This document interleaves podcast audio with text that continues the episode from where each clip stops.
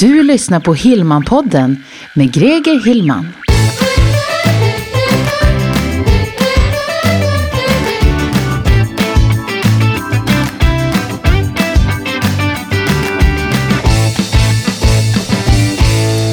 Ja men hejsan och välkommen till Hillmanpodden avsnitt 37. Idag kommer det handla om läroplattformar. Och eh, läroplattformar det är ju någonstans ute på internet där du kan placera din färdiga webbkurs. Så om du har byggt en webbkurs och vill börja sälja det här materialet via internet, då behöver du en eh, läroplattform av något slag. Man kan bygga själv också på Wordpress om det är så att du har en Wordpress-hemsida redan eller ja, bara vill ha full kontroll över hela flödet helt enkelt. Då kan man välja att bygga på Wordpress. Det är något som tar lite längre tid så att eh, i de flesta fall så kan det vara bättre att titta på ett färdigt koncept där man, ja, inom citationstecken, köper in sig på en plattform.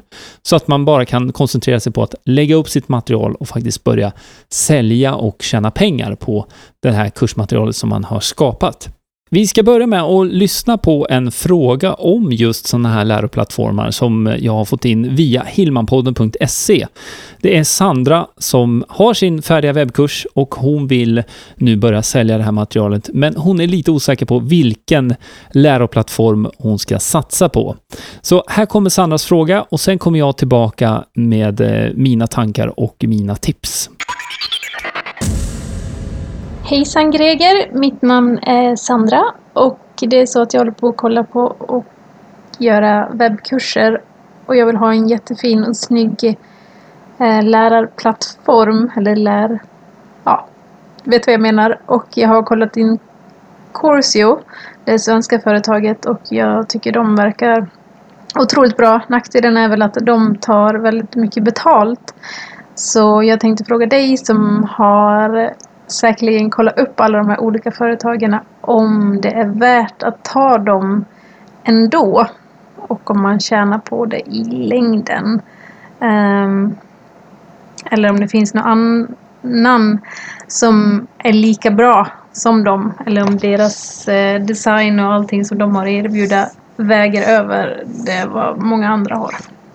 Vore jättesnällt om du har tid att svara på det. Ha det bra. Tack! Ja, men tack så mycket Sandra för din fråga. Ja, Corsio, det är ju ett eh, företag som tillhandahåller den här tjänsten. Det vill säga där du kan ladda upp ditt färdiga material. Det kan vara video, det kan vara pdf-er, lägga upp text och bild såklart och eh, man kan också koppla på möjligheten att eh, ge prov. Så under den här kursens gång så kan man Ehm, ja, sätta små sådana här stopp på vägen så att du måste som kursdeltagare eh, göra färdigt prov för att kontrollera att du faktiskt har lärt dig eh, det som kursmomentet har lärt ut. Det här är saker som man kan kontrollera, så man ändå kan gå vidare och så vidare. Men det, det, eh, på den här plattformen så är det uppbyggt på det sättet. Man kan också koppla på möjligheten att eh, lämna kommentarer på varje kursdel. Och eh, det här är såklart en väldigt, väldigt bra plattform. Jag har själv inte varit kund hos Corsio. Däremot så har jag gått flera webbkurser som ligger på Corsio-plattformen. Och eh, om man tittar lite på gränssnittet och eh, användarvänligheten och upplevelsen som kursdeltagare så är det väldigt stilrent och ja, alla, alla sådana här bra funktioner som man behöver egentligen finns med i det här systemet.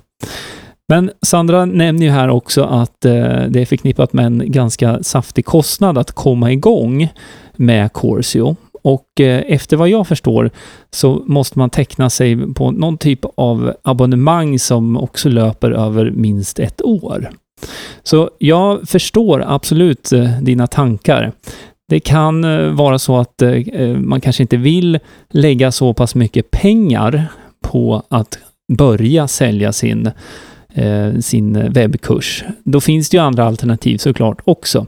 Men för det första, så, som jag varit inne på här nu, Corsio är ju ett väldigt bra alternativ. Det är en väldigt tydlig och fin plattform. Corsio är ju ett svenskt företag, så som svensk företagare så har du möjlighet att dra nytta av momsreglerna när man tecknar upp sig på ett sånt här abonnemang såklart. Samtidigt, kostnaden är ju en eh, liten tröskel att komma över. Så det finns andra alternativ som du skulle kunna titta på. Och eh, min rekommendation, det är ett, eh, en annan sån här kursplattform som gör i princip samma saker. Det vill säga att du laddar upp ditt material, sen är det det som kallas för drag and drop, så du drar och släpper olika element och, och Eh, ja, skapar eh, layouten kan man säga, ordningen på eh, kursens innehåll, olika kapitel, olika delmoment. Lägga in sådana här enkla prov om man vill det. Det, det är precis, precis samma koncept. Den här plattformen heter Teachable och Skillnaden mot Corsio där är att eh, det är en väsentlig skillnad just när man ska komma igång. Det, det kostar egentligen ingenting att starta upp den plattformen. Och mer konkret så innebär det att eh, du kan ladda upp din kurs, göra i ordning din kurs, få den att se ut som du vill i det här färdiga ramverket då, för det är ett tydligt ramverk som är satt med navigation och allting. Det kan man inte ändra på, men däremot så kan du eh, ja, som jag sa, då, gå in och strukturera i, i den ordningen du vill ha. Och eh, du kan också börja sälja din kurs utan att eh, teckna upp dig på ett betalabonnemang. Om man väljer det här inom citationstecken gratisabonnemanget så får man eh, ge bort en större del av kakan på varje försäljning som en typ av avans då till Teachable. Det rör sig om 10% på försäljningspriset eh, plus avgifter för kort, eh, kortavgifter och så vidare. Och eh, det kan man ju säga är en bra kostnad ändå när man liksom precis ska komma igång. Sen kan du också välja att uppgradera till ett betalkonto och eh, eh, det kostar runt 3000 för ett år. Det är 29 dollar i månaden och det är ingen bindningstid på det där tror jag heller. Så att eh, det där kan du ju välja i så fall när du startar upp och man kan också nedgradera om man skulle vilja det.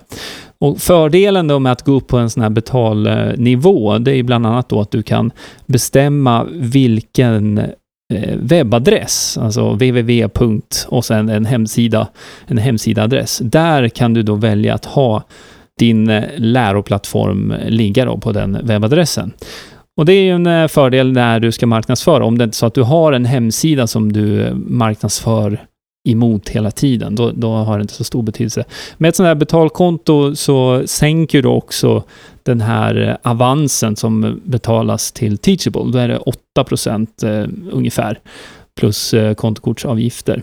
Men återigen, det här är, ju inom citationstecken bra kostnader för att du kan börja erbjuda din kurs. Det finns en nackdel som jag ser med Teachable som jag också vill nämna här och det här är någonting som du faktiskt kan överbrygga med ett par timmars jobb ungefär. Teachable är ju ett amerikanskt företag och eh, hela ramverket eh, står på engelska. Allting är på engelska. Köpknappar, alla rubriker är på engelska och så vidare. Men det här kan man gå in och översätta. Det måste man göra manuellt däremot. Men eh, jag har gjort det själv. Jag gick in eh, i inställningarna och sen så kan man leta sig fram eh, till ett ställe där man kan översätta de engelska fraserna till de svenska fraserna. Så med ett par timmars jobb så har du gjort om den här engelska plattformen då till en svensk eh, läroplattform. Och det kan det ju helt klart vara värt. Så att eh, Fördelen med det här skulle ju vara då att du har en lägre tröskel när det gäller att komma igång. Du behöver inte knyta fast dig i några långa abonnemang och eh, uppstartskostnaden är egentligen din tid.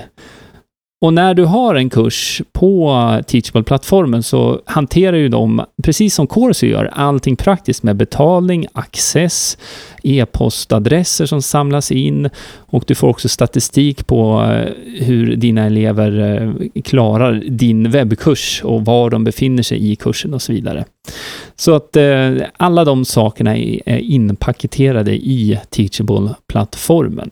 För att du ska kunna få ut pengarna då, som eh, dina kursdeltagare har betalat så behöver du ha ett Paypal-konto. Men det är också någonting som du kan eh, ordna gratis egentligen. Och från Paypal sen så kan man betala ut, man kopplar Paypal mot sitt bankkonto och då kan du betala ut de här pengarna från Paypal till ditt bankkonto. Då tar det två eller tre bankdagar och det är utan avgift. Då. Så det är eh, ett smidigt sätt att göra det på helt enkelt. Så där har du min rekommendation Sandra. Ta en titt på Teachable och eh, jag ska säga det nu också att om du eller någon annan som lyssnar nu känner att man skulle behöva lite extra hjälp för att komma igång med Teachable-plattformen så finns det en möjlighet att eh, få komma in och gå en kurs som jag har gjort som handlar om just Teachable och hur man Eh, kommer igång med sitt konto och jag förklarar också hur den här översättningen går till. Jag visar, jag har gjort ett eh, en sån här översättning som eh, man kan använda rakt av om man skulle vilja det, men också steg för steg. Och den här resursen har jag skapat eftersom att plattformen är ju på engelska och jag vet att det finns ganska många som inte känner sig helt bekväma i att att eh, jobba på en engelsk plattform och därför har jag tagit fram den här webbkursen så att du ska kunna få hjälp steg för steg för att eh, få upp din egen webbkurs på Teachable-plattformen. Om det låter intressant eller om du vill titta närmare på anteckningarna till det här avsnittet, då går du till gregerhillman.se 37. Och där länkar jag också till ett tidigare podcastavsnitt och de anteckningarna, för där eh, har jag gått igenom mer i detalj Corsio, Teachable och Simplero som är ytterligare en sån här plattform. Så titta gärna in på de anteckningarna. Och eh, Tack igen Sandra för din fråga. Jag hoppas eh, det går bra för dig med din webbkurs. Är det så att du som lyssnar nu har en fråga som du vill ha svar på, som handlar om eh, internet, företagande och eh, marknadsföring, då är du välkommen att ställa den på hillmanpodden.se.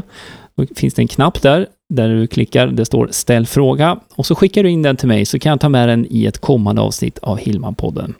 Tack så mycket för att du lyssnar. Vi hörs och ses nästa gång. Ha det bra. Hej! Du har lyssnat på Hillmanpodden med Greger Hillman. Vill du veta mer om hur du bygger ditt företagande på webben? Gå in på hemsidan gregerhillman.se